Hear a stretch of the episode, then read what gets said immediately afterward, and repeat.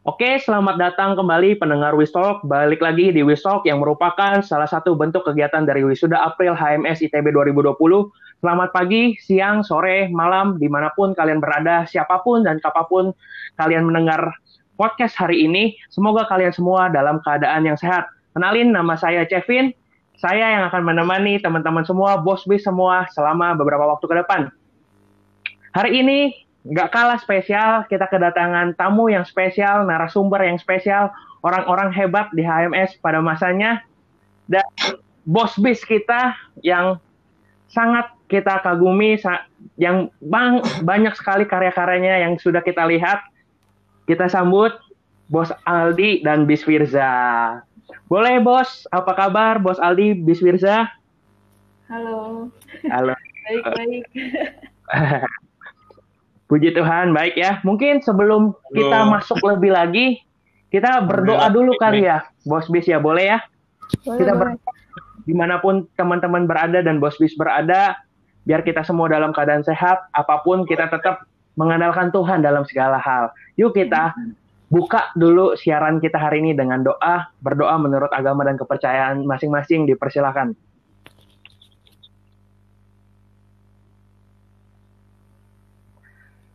Oke, berdoa dicukupkan. Oke, langsung aja kita kenalan sama narasumber pertama kita, Bos Aldi. Gimana, Bos? Kabarnya? Boleh perkenalkan nama lengkap Bos dan apa aja sih hari-hari ini kesibukannya selagi udah wisuda dan sekarang tinggal di rumah aja bareng keluarga gimana, Bos? Boleh diceritain sedikit, Bos?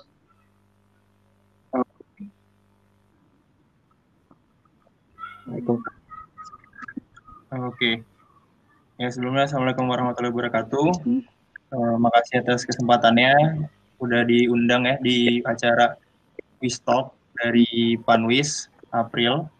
Sebelumnya yang bagi yang mungkin belum kenal, perkenalkan aku Aldi Pratama, X 150 15100, uh, panggilannya Aldi aja. Ya selama uh, aktivitas di rumah sih udah mulai ini ya aku udah mulai uh, WFH sih kerja. Pasca wisuda langsung ambil ke kerjaan. Sambil ya biasa sih di sini bantu-bantu orang tua. Terus uh, ya tetap kabar-kabaran sama temen lah. Sering nggak ketemu walaupun emang tetap social distancing ya. Sama olahraga-olahraga Wow, Ya, luar biasa banget yang ya bos. Jadi di walaupun di rumah aja tapi tetap Itu bekerja dari rumah, work from ho- home. Wih, mantap bos. Boleh kita lanjut lagi perkenalan kita ke narasumber kita yang kedua yang nggak kalah kerennya. Dipersilakan, Bis Firza. Uh, ya, Assalamualaikum warahmatullahi wabarakatuh. Uh, halo bos di semua. Uh, kenalin aku Firza Widya Syafina. Uh, biasanya dipanggil Firza. Uh, X juga ya, 150, 150, 80.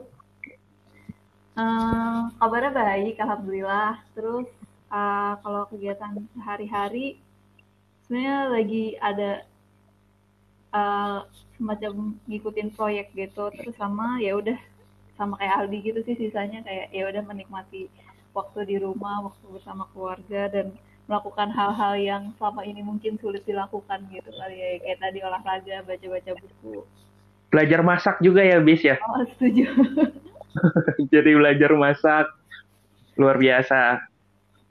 Oke, jadi walaupun kita di rumah aja, kita harus tetap juga memanfaatkan segala waktu yang ada buat self improve juga ya, bos bis. Itu juga terus bekerja, terus juga quality time sama keluarga.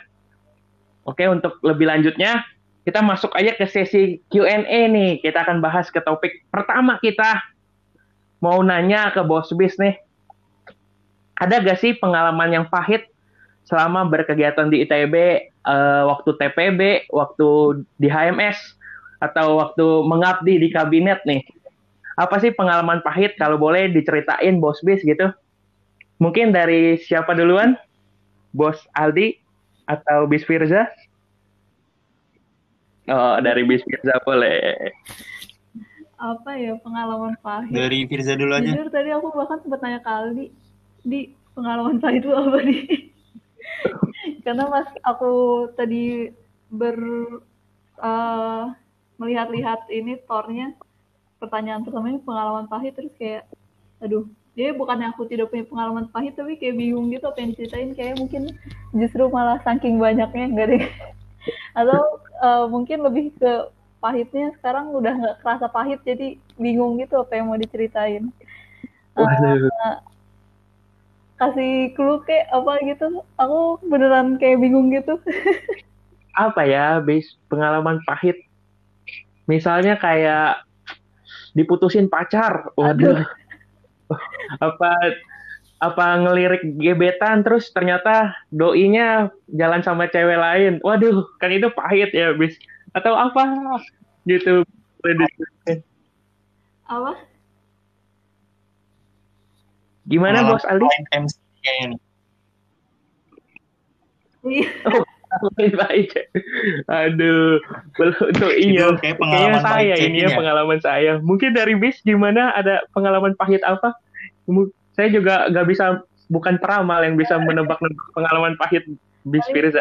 Ini sih tadi aku sempat nanya ke orang-orang kalau pengalaman pahit biasanya ceritain apa terus pada cerita tentang misalnya ngulang matkul atau dapat nilai jelek di matkul gitu soalnya aku beneran bingung gitu kan yang mau diceritain apa terus kalau ngulang juga alhamdulillah kayak nggak pernah ngulang terus wow. tapi ada ini sih paling jadi waktu semester 4 ya semester kamu berarti ya ada iya, pelajaran namanya uh, apa lupa pengantar surveying pengsur ya pengsur Nah, Dapat Pak Sudarman. Eh, Saya juga, Kak. Gitu. Iya, pokoknya waktu itu semester 4 kan aku sempat sakit gitu kan pas UTS. Pas UTS aku sakit terus habis itu emang skip uh, ke UTS gitu satu minggu kan UTS satu minggu terus skip satu minggu UTS terus pas pengsur ini mau minta susulan pas sudarmannya uh, nyuruh datang ke ruangannya gitu. Terus pas datang ke ruangannya kayak uh, kaget gitu aku sih. Bapaknya kaget kak? Bapaknya sambil ngerokok terus kakinya naik ke atas meja kayak aku sendirian datang ke ruang eh ke gedung sih kayak kaget banget gitu. Terus habis itu aku salah ngomong sedikit bapaknya tuh ngebetulin diksi-diksi aku gitu kan. Jadi kayak misalnya oh iya pak berarti ini ada tugas tambahannya saya kumpulin minggu depan ya. Terus bapaknya ngomong minggu depan hari minggu tuh libur. Ngomong yang benar minggu ke pekan. Terus kayak oh iya. Pokoknya itu uh, aku ngejar banget gitu kan sebenarnya ngejar banget sampai datengin ke ruangannya terus dapet tugas tambahan terus belajar banget juga karena aku takutnya UTS jelek gitu kan karena aku susulan. Pas uas tuh aku merasa bisa banget gitu bahkan aku ngajarin ke teman-teman aku juga gitu terus pas indeksnya keluar tiba-tiba C. Waduh pahit banget ya bis. Ternyata udah optimis banget bisa ternyata. Aduh tapi nggak apa-apa pengalaman pahit ini justru yang jadi kenang-kenangan di masa-masa sekarang. Benar gak bis? Iya benar. udah ada lagi bis pengalaman pahit yang selama di ITB di AMS yang mau diceritain keluh kesannya Tapi banyaknya udah nggak pahit gitu jadi udah lupa. Uh, emang pengalaman pahit harus cepat dilupakan ya. Oke. Okay. langsung aja masuk ke bos Aldi gimana nih pengalaman pahit selama berkegiatan di ITB berkuliah di ITB boleh diceritain bos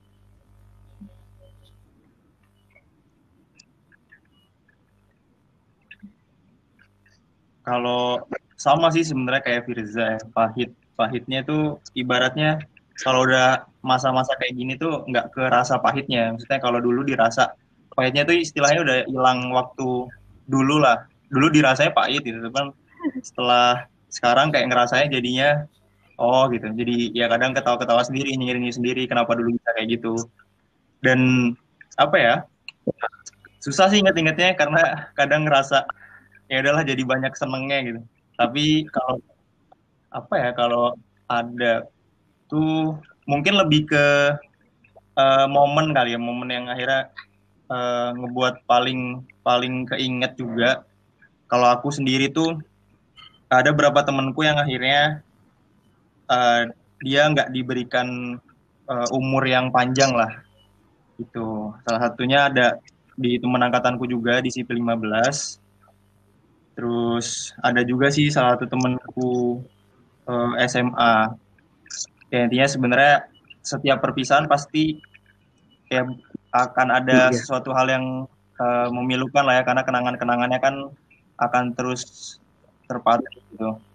Nah, cuman ngerasanya dan ini juga dulu aku jadi jadi apa ya lesson learn buat aku juga karena akhirnya ngejaga temen itu sangat sangat apa ya sangat penting dan sangat berharga ketika kita bisa gitu. Selama ada waktunya ya kenapa enggak untuk di ini? Dan ketika dia tiada akhirnya kita akan ngerasa nyesel dan segala macam Nah, terus di sisi lain mungkin uh, selama selama mahasiswa lengkap sih pernah ngerasain semua momen sih kalau aku mulai dari ya seneng-senengnya pasti ada, pun pahit-pahitnya juga ada. Ngerasa uh, bener-bener jadi orang yang paling paling bawah, paling emang yang udah patut dihina-hina dan dikritik pun juga pernah. Tapi intinya tadi sih yang aku bilang di awal, pahitnya itu kerasa emang saat itu. Tapi setelah uh, waktu berlalu lama kelamaan jadi pelajaran jadi momen jadi yang paling berharga sih akhirnya jadi uh, sebuah hal yang Bener. Mem membentuk diri kali Bener ya banget. menjadi orang yang lebih dewasa gitu. Ya istilahnya uh, pernah lah jadi tong sampah. Tong sampahnya juga pernah gitu. Cuman akhirnya ya itu hal-hal semua itu yang akhirnya ngebuat bahwa oh kita diri ini tuh nggak nggak selalu sempurna harus tetap Bener belajar banget harus tetap nih. banyak banget uh, pelajaran lagi ke jadi yang, baik. yang aku tangkap sih itu sih uh, kita harus menghargai setiap momen dalam hidup kita benar kan ya bos bis jadi setiap momen dalam hidup kita tuh apalagi waktu di ITB juga pengalaman-pengalaman baik pahit baik apa pun ya. kita juga harus tetap menghargai itu karena setiap momen dalam hidup kita tuh adalah momen di mana ada tak ada sesuatu yang masuk dalam diri kita yang akan jadi pembelajaran dari diri kita. Bagaimana respon kita buat kita belajar sesuatu buat growing up sesuatu gitu. Makanya kita harus siap mengalami itu. Bener bener gak nih bos bis? Setuju. Setuju. Ada ada lagi bos bis yang mau ditambahin dari pertanyaan pertama ini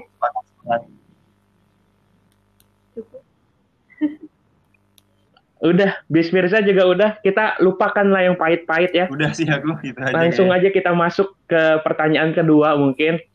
Uh, ada gak sih pengalaman yang berkesan? Pasti banyak nih kalau yang berkesan kan selama berkegiatan di ITB, baik di TPB, di HMS maupun di kabinet. Uh, kalau boleh ceritain dong ke kita gitu bos bis. Dipersilakan mungkin dari bos Aldi dulu kali gantian ya, biar ganti-gantian yang duluan.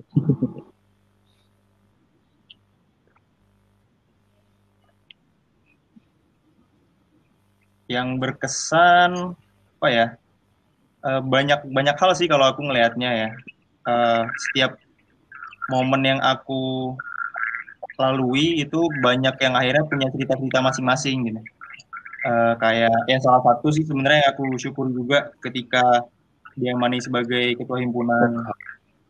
Yaitu hal yang paling ngebuat aku paling belajar sih selama di ITB maksudnya ketika bicara aku bisa ngeberikan dampak dan manfaat ke orang lain justru malah aku sendiri yang dapat manfaat dan dampaknya. Karena aku yang paling banyak belajar akhirnya. Itu yang yang paling memorable juga sih menurutku.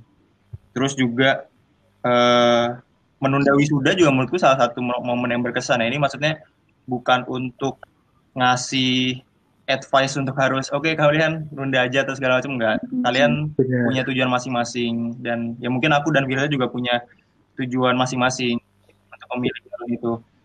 Nah akhirnya ketika udah selesai sih sebenarnya uh, dapat pelajarannya menunda wisuda juga bukan hal yang salah. Maksudku akhirnya banyak hal yang ternyata bisa didapetin, banyak hal yang akhirnya bisa dipelajarin dan yang paling membuat diri ini lebih belajar sih akhirnya lebih baik lagi ya mungkin kelihatannya sedih sih pasti ada. Maksudnya ketika harusnya kita bisa sama kayak orang-orang yang lain tapi kita harus menambah waktu kerja kita untuk akhirnya mengabdi ke KMITB ya kalau ini konteksnya di kabinet kemarin.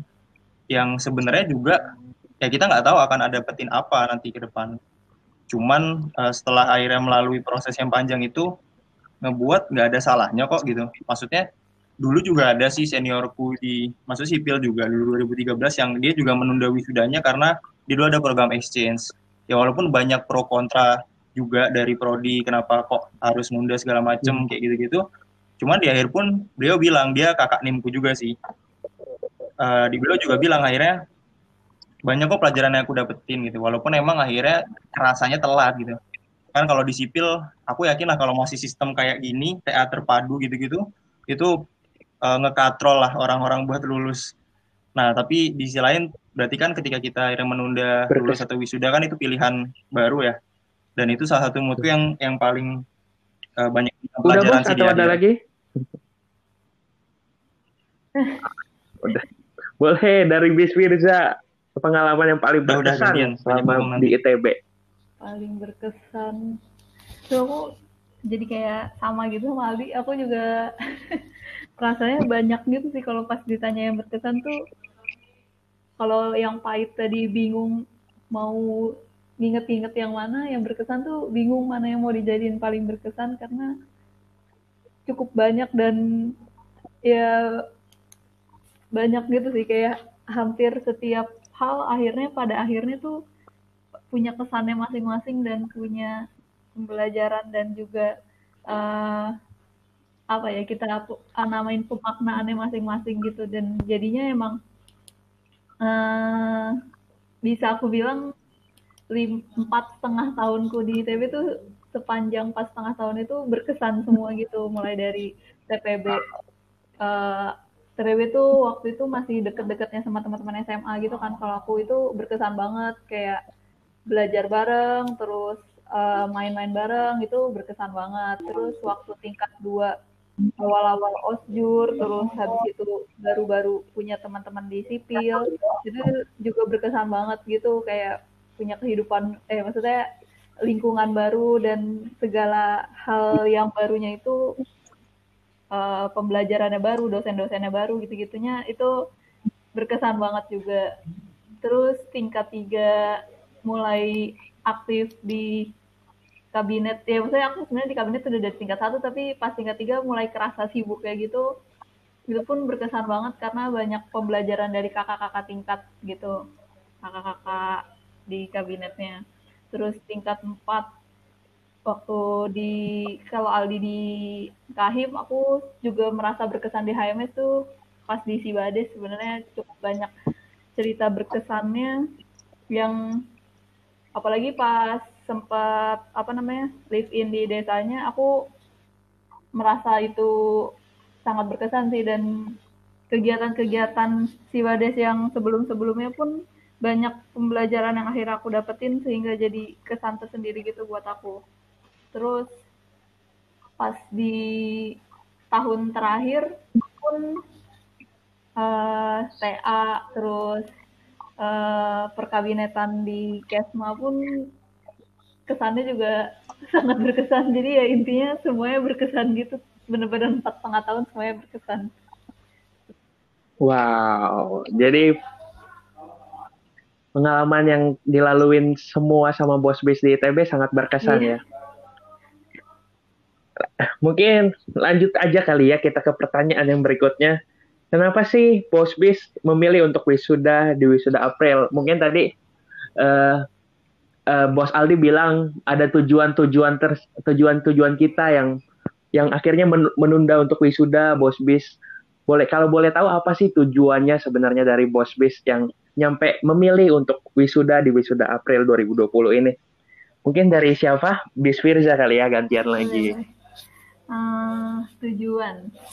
Aku tuh dulu sebenarnya sampai tahun 2019 awal tahun 2019 pas belum dibagiin kelompok TA bahkan sampai pas sudah dibagiin kelompok TA aku masih sangat-sangat bertujuan lulus tahun 2019 waktu itu. Maksudnya ya wisju kalau nggak wisokto 2019 kemarin. Cuma emang kondisinya pada suatu hari uh, dimintain tolong diajak terus di ditarik ya. Maksudnya diajak gitu dan pas diajak aku tuh akhirnya keingetan uh, sebuah hutang gitu sih sebenarnya. Ketika aku nggak menerima ajakan ini aku akan merasa berhutang gitu. Karena dulu waktu awal-awal aku masuk ITB aku merasa sempat terbantu banget sama kesma kabinet. Pada zaman itu itu berarti kabinet.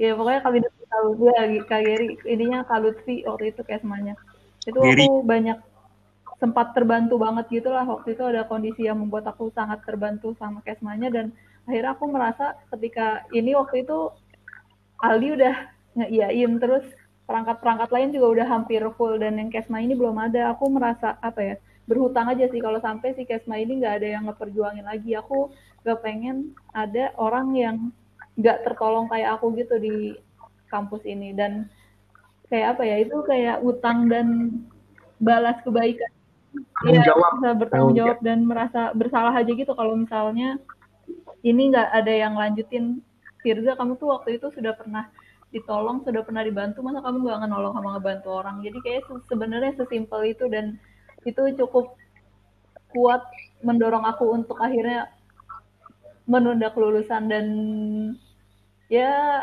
waktu awal-awal sempat mikir ini aku uh, akan ya nanti gitu. karena kan awalnya emang gak punya niat untuk menunda kelulusan samsek gitu kan tapi sampai detik ini aku tidak menemukan ke penyesalan sama sekali jadi ya sudah ah. aku senang kok wow jadi kayak e, memilih untuk wisuda April karena ada beban tersendiri ya tanggung jawab yang harus dikerjakan ya bis Firza ya. Iya, nggak bisa dibilang beban sih, dibilangnya lebih ke rasa berterima kasih. Eh, oh ras, rasa tanggung jawab gitu ya rasa bentuk ah, bentuk balas budi hmm. gitu ya boleh kalau dari bos Aldi gimana kelihatannya sih mirip-mirip ya bos ya tapi boleh diceritain bos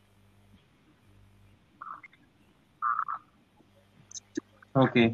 uh, eh, aku dulu sih sebenarnya udah janji sih ke diriku sendiri uh, ketika mengambil amanah sebagai ketua himpunan itu berarti aku juga akan uh, membersamai hingga angkatan baru terlantik. Uh, berarti itu kan 2018 iya. ya, angkatan kalian.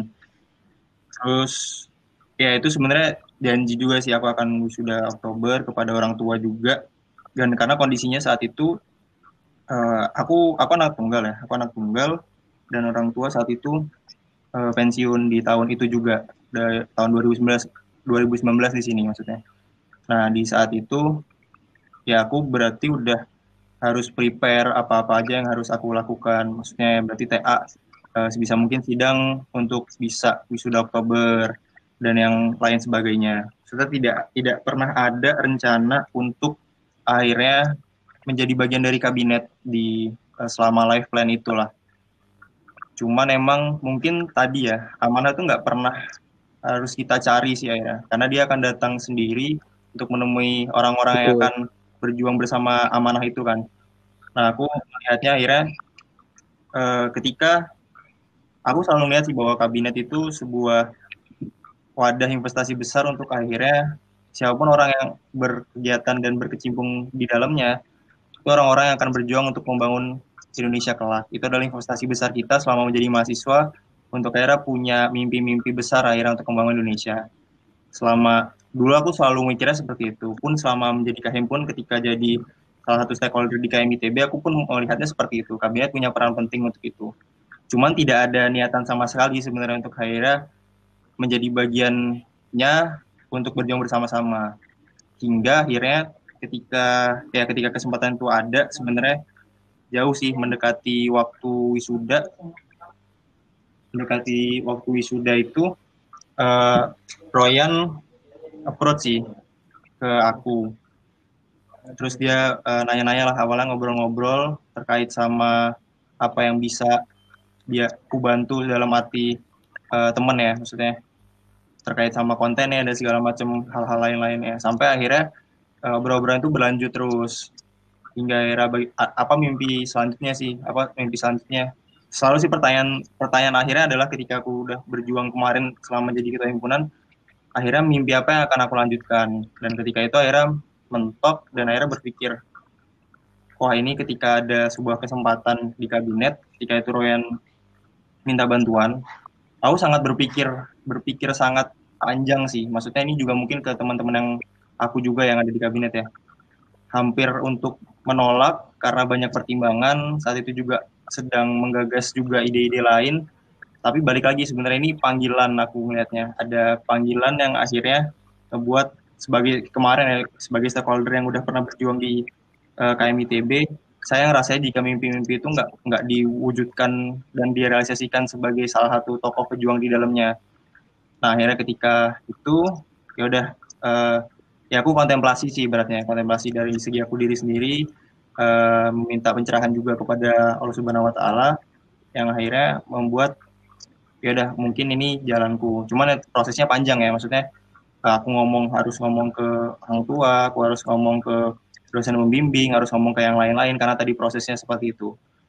Nah itu akhirnya yang ngebuat ya udah mungkin juga aku juga ngomong ke uh, perangkat angkatanku ya maksudnya berarti ada harus ada peran yang akhirnya kita bagi. Ya mungkin aku nggak bisa sesuai sama targetanku di Oktober tapi mungkin ketika di April aku bisa bantu teman-teman lain yang mungkin masih terhambat dari segi tugas akhirnya nah hal, -hal seperti itu sih yang sebenarnya akhirnya ngebuat oh ya oke oke karena semuanya uh, udah diomongin udah oke udah clear segala macem akhirnya ya aku mengiyakan untuk akhirnya mengambil uh, jabatan itu dan itu sebagai konsekuensi akhirnya untuk harus wisuda April. Nah sejauh itu uh, pengalaman-pengalaman yang terjadi banyak sih akhirnya tadi sih yang ngebuat uh, banyak pertimbangan dan ya alhamdulillah sih di akhir aku bersyukur sih banyak hal yang akhirnya bisa bisa terwujudkan lah walaupun juga di sisi lain banyak hal yang akhirnya juga nggak sesuai sama ekspektasi awal itu wajar ya dalam artian ada yang terwujud ada yang enggak nah itu di akhir ya aku sangat bersyukur untuk bisa jadi bagian ini dan mungkin wisuda April juga ya nggak masalah. Wow, banyak gitu. banget nih kayaknya pelajaran yang bisa diambil dari bos bis. Mungkin di mana sih bos bis? Uh, kita masuk mulai deep nih sekarang nih karena suasananya udah deep gini asik banget.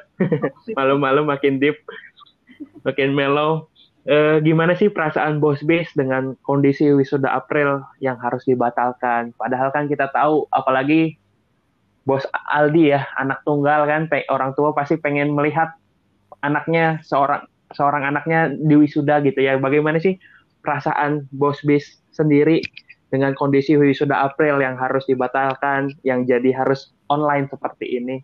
Mungkin dari siapa bos bis? Mau duluan? ya oke okay.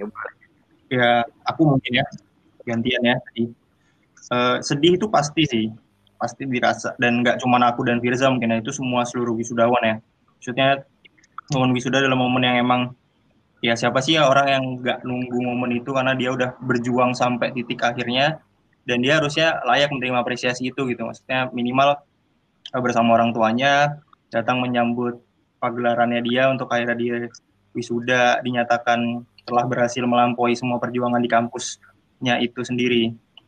Ya, cuman aku ngelihatnya di sisi lain sih, ini nggak bisa kita prediksi ya. Ini maksudnya musibah.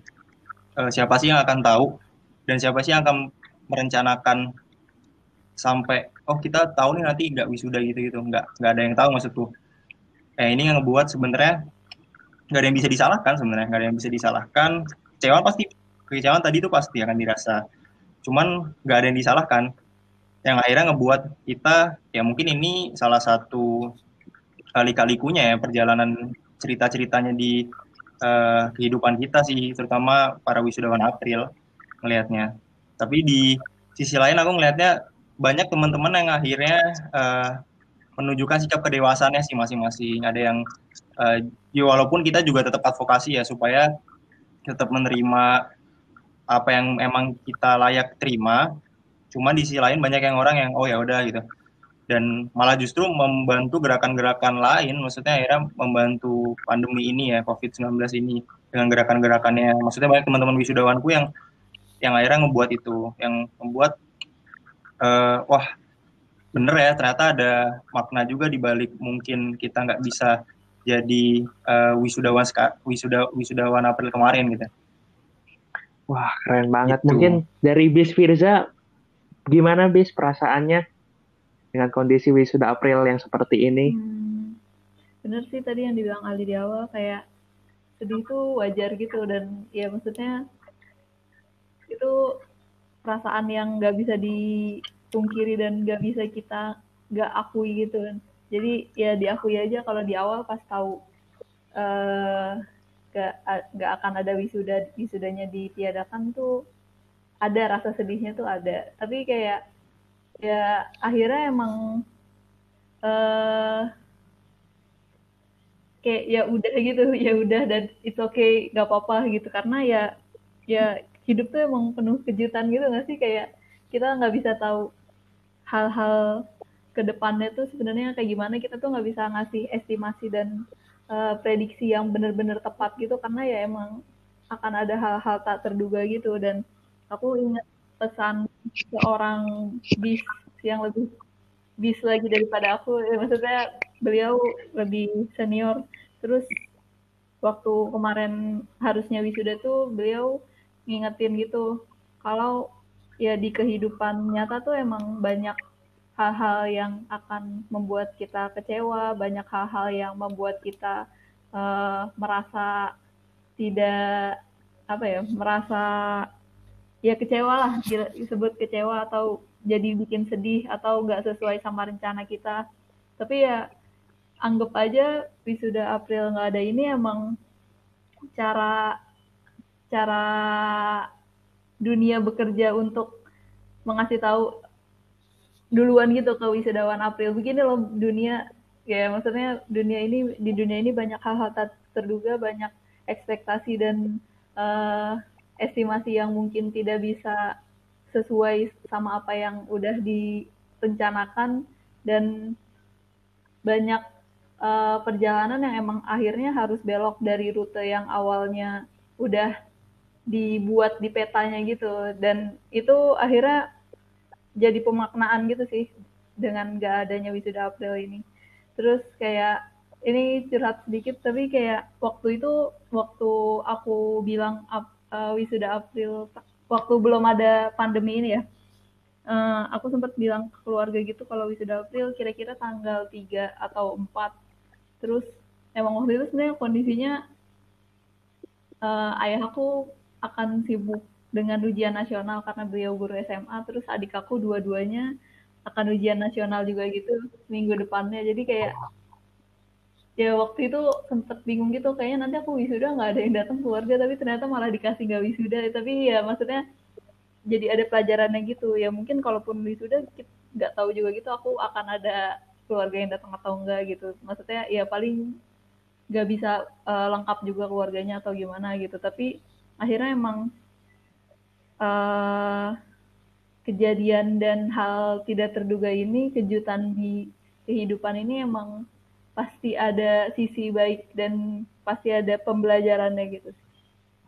Sempet agak sedikit kecewa juga sebenarnya sama pihak kampus dan kebijakannya karena tampak seperti harus dipertanyakan terus dan semoga teman-teman mahasiswa juga terus teman-teman mahasiswa dan teman wisudawan tetap terus ngawal uh, kebijakan ini karena emang uh, ya gitulah pokoknya banyak yang dipertanyakan dari surat-suratnya terus uh, komunikasinya dan ketentuan-ketentuan uh, yang tiba-tiba padahal sebelumnya nggak ada gitu-gitu itu cukup bikin aku kayak apaan sih ini tapi ya emang kita berdoa aja kampus juga kan uh, untuk ngebuat kebijakan nggak bisa uh, dalam dalam kondisi ini mungkin nggak bisa benar-benar bikin rencana yang jernih gitu ya.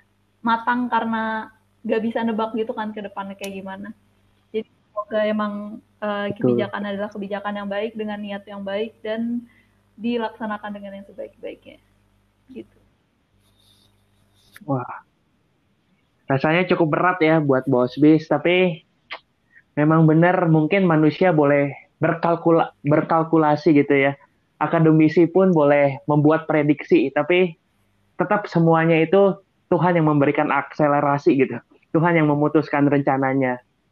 Jadi semangat bos bis, sebab eh, gak ada yang kebetulan di dalam dunia ini. Pasti semuanya ada rencana yang terbaik buat bos bis. Mungkin buat pertanyaan terakhir nih di topik pertama kita yang tentang pengalaman berkegiatan di ITB dan tentang pandemi corona ini, COVID-19 ini. Bo, eh, gimana sih pendapat Bos Bis nih tentang kondisi Indonesia sekarang dan juga mungkin boleh sampaikan pesan pesannya buat khususnya buat generasi generasi muda ya, buat anak-anak muda yang di Indonesia yang hari-hari ini mungkin cuman kerjaannya gitu ya. E, kalau nggak nugas nggak ada tugas nonton Netflix gitu. Nonton film cuman ngegame doang. Tapi apa sih pesan buat kita anak-anak muda dan juga pendapat dari Bos Bis tentang wabah pandemik yang sedang kita alami ini boleh mungkin dari Bis Firza sekarang. Ini di Indonesia gitu ya? Ini di Indonesia. Iya. Hmm, pendap nggak tahu sih ini aku pendapat aku aja tapi aku emang merasa uh, sebenarnya banyak kok hal positif atau hal baik atau sisi terang yang bisa kita uh, gali dari kondisi pandemi ini gitu.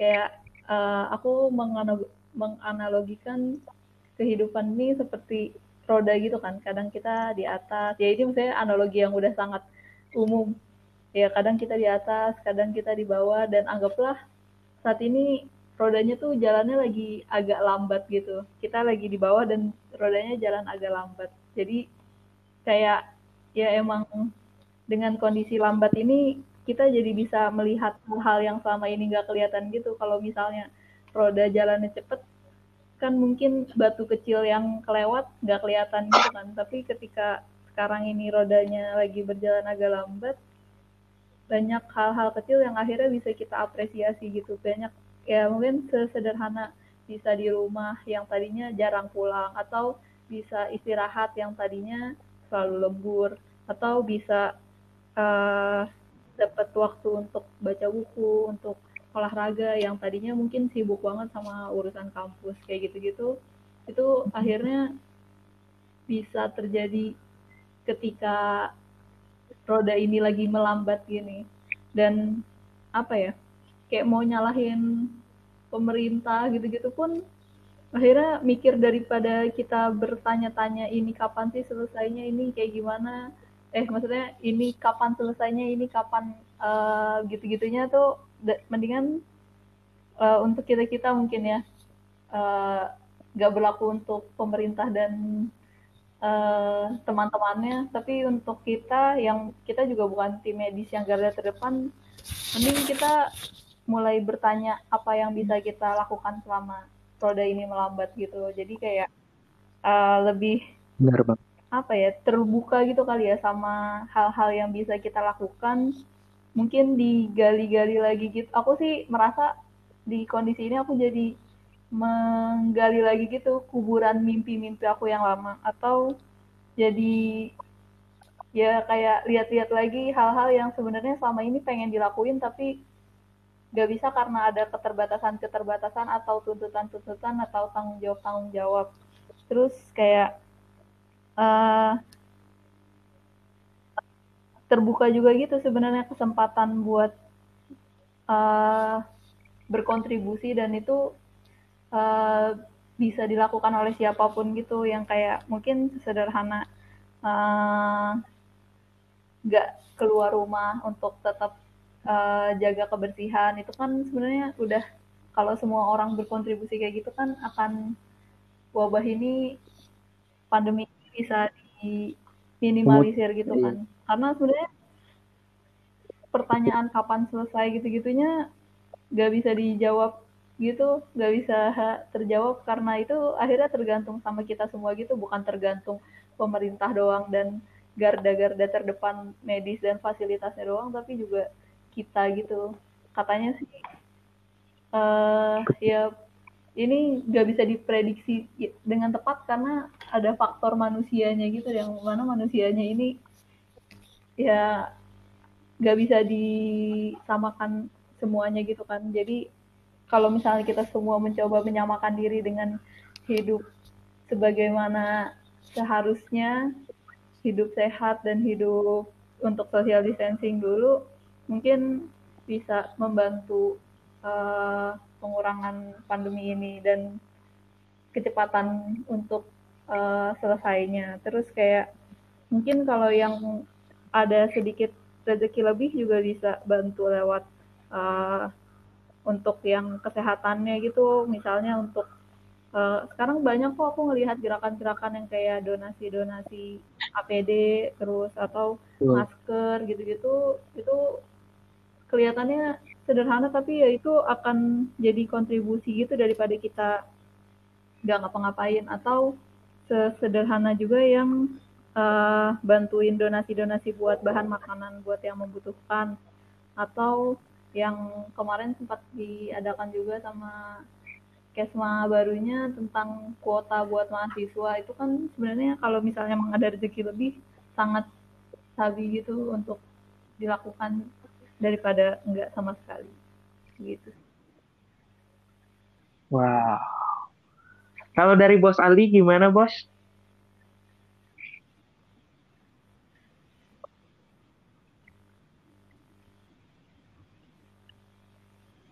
Oke, saya pikir ini ya, maksudnya tadi yang uh, poin di mana ada kalanya ini akhirnya membuat mungkin kita belajar terus ya mungkin seluruh orang Indonesia dan mungkin seluruh orang di dunia kali ya belajar terkait sama ya ada kondisi-kondisi di mana kita nggak bisa memprediksi itu tapi kita harus beradaptasi terhadap hal itu. Nah ini yang ngebuat uh, banyak hal yang akhirnya justru menurutku ya mungkin ada kerugian besar tapi di sisi lain menimbulkan peluang juga yang bisa dilakukan maksudnya kayak tadi ya baik sekarang banyak kok akhirnya just campaign-campaign tentang ayo kita produktivitas di rumah aja yuk gitu atau oke kita bantu solidaritas bersama teman-teman yang lain. Terus karya-karya yang bisa dilakuin. Yang ternyata ap apa pun yang itu bisa kita lakuin. Nggak nggak terbatas ruang nggak terbatas uh, harus ketemu atau bareng-bareng segala macam ya. Dan menurutku ini juga akan jadi sebuah ya peluang juga. Maksudnya ke depan di tengah mungkin ada kondisi-kondisi yang justru ngebuat kita akan tetap melakukan hal yang sama. Seperti ya contohnya globalisasi dan teknologi udah mulai semakin maju ya mau nggak mau kita juga harus adaptasi terhadap hal itu. Kita juga harus berkegiatan uh, lama kelamaan juga akan seperti ini. Nah menurutku ini jadi ya ini pembelajaran yang akhirnya mau nggak mau sih tamparan yang emang di awal tapi akhirnya ngebuat semua orang akhirnya uh, mulai beradaptasi mulai belajar. Nah itu salah satu uh, poin pembelajarannya. Dan juga uh, ya tadi sih akhirnya ngelihat bahwa di tengah bencana seperti ini ya musibah seperti ini banyak ternyata orang-orang yang di luar sana punya empati yang besar, maksudnya akhirnya gerakan-gerakan yang tadi Firza juga katakan ya, bahkan eh, mahasiswa-mahasiswa di ITB juga itu banyak kok yang akhirnya ya udah kita gerakan bantu sekitar atau uh, kita donasi, kita bikin sesuatu hal yang bisa ngebantu. Itu yang ngebuat semua akhirnya belajar secara keseluruhan akhirnya belajar. Justru yang salah malah ketika orang-orang menganggapnya ini sebuah uh, musibah yang ya udah kita diem aja terus kita nggak ngelakuin apa-apa. Kayak menunggu semuanya selesai padahal kita juga nggak tahu kapan akhirnya.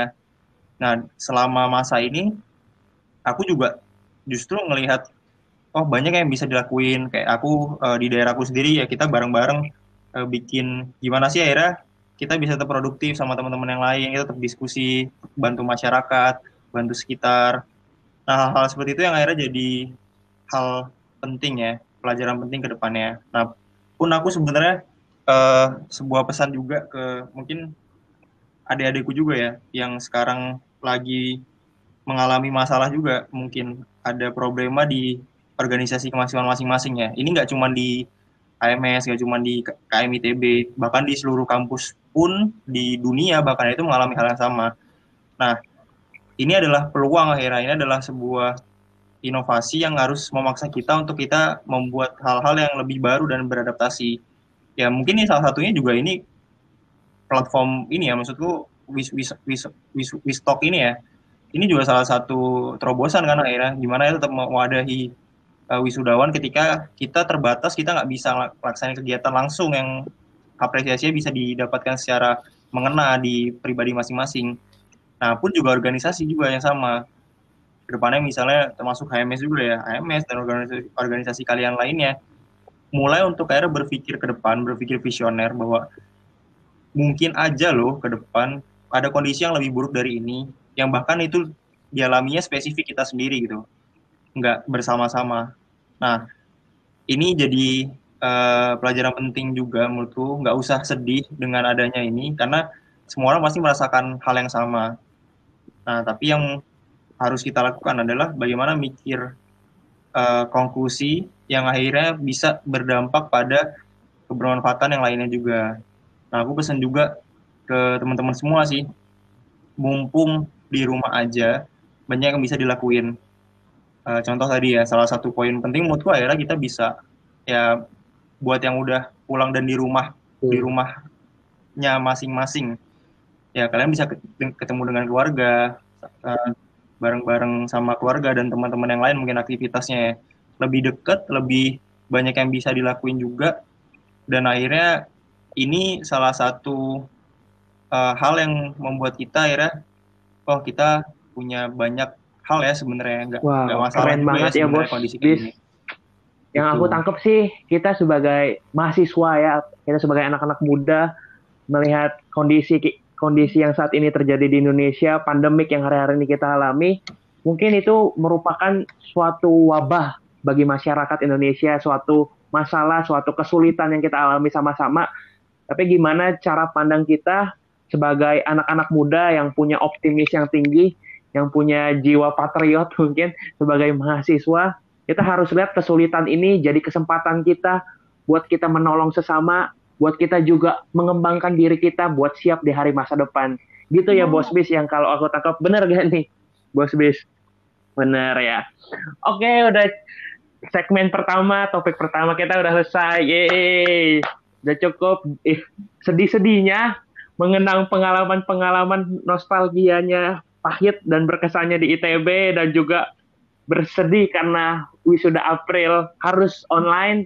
Tapi ternyata di luar itu semua ada hikmahnya. Karena saya percaya kita kita semua percaya, kita harus semua percaya kalau masa-masa kecemasan akan jadi masa-masa keemasan Widi. Kita masuk ke segmen yang kedua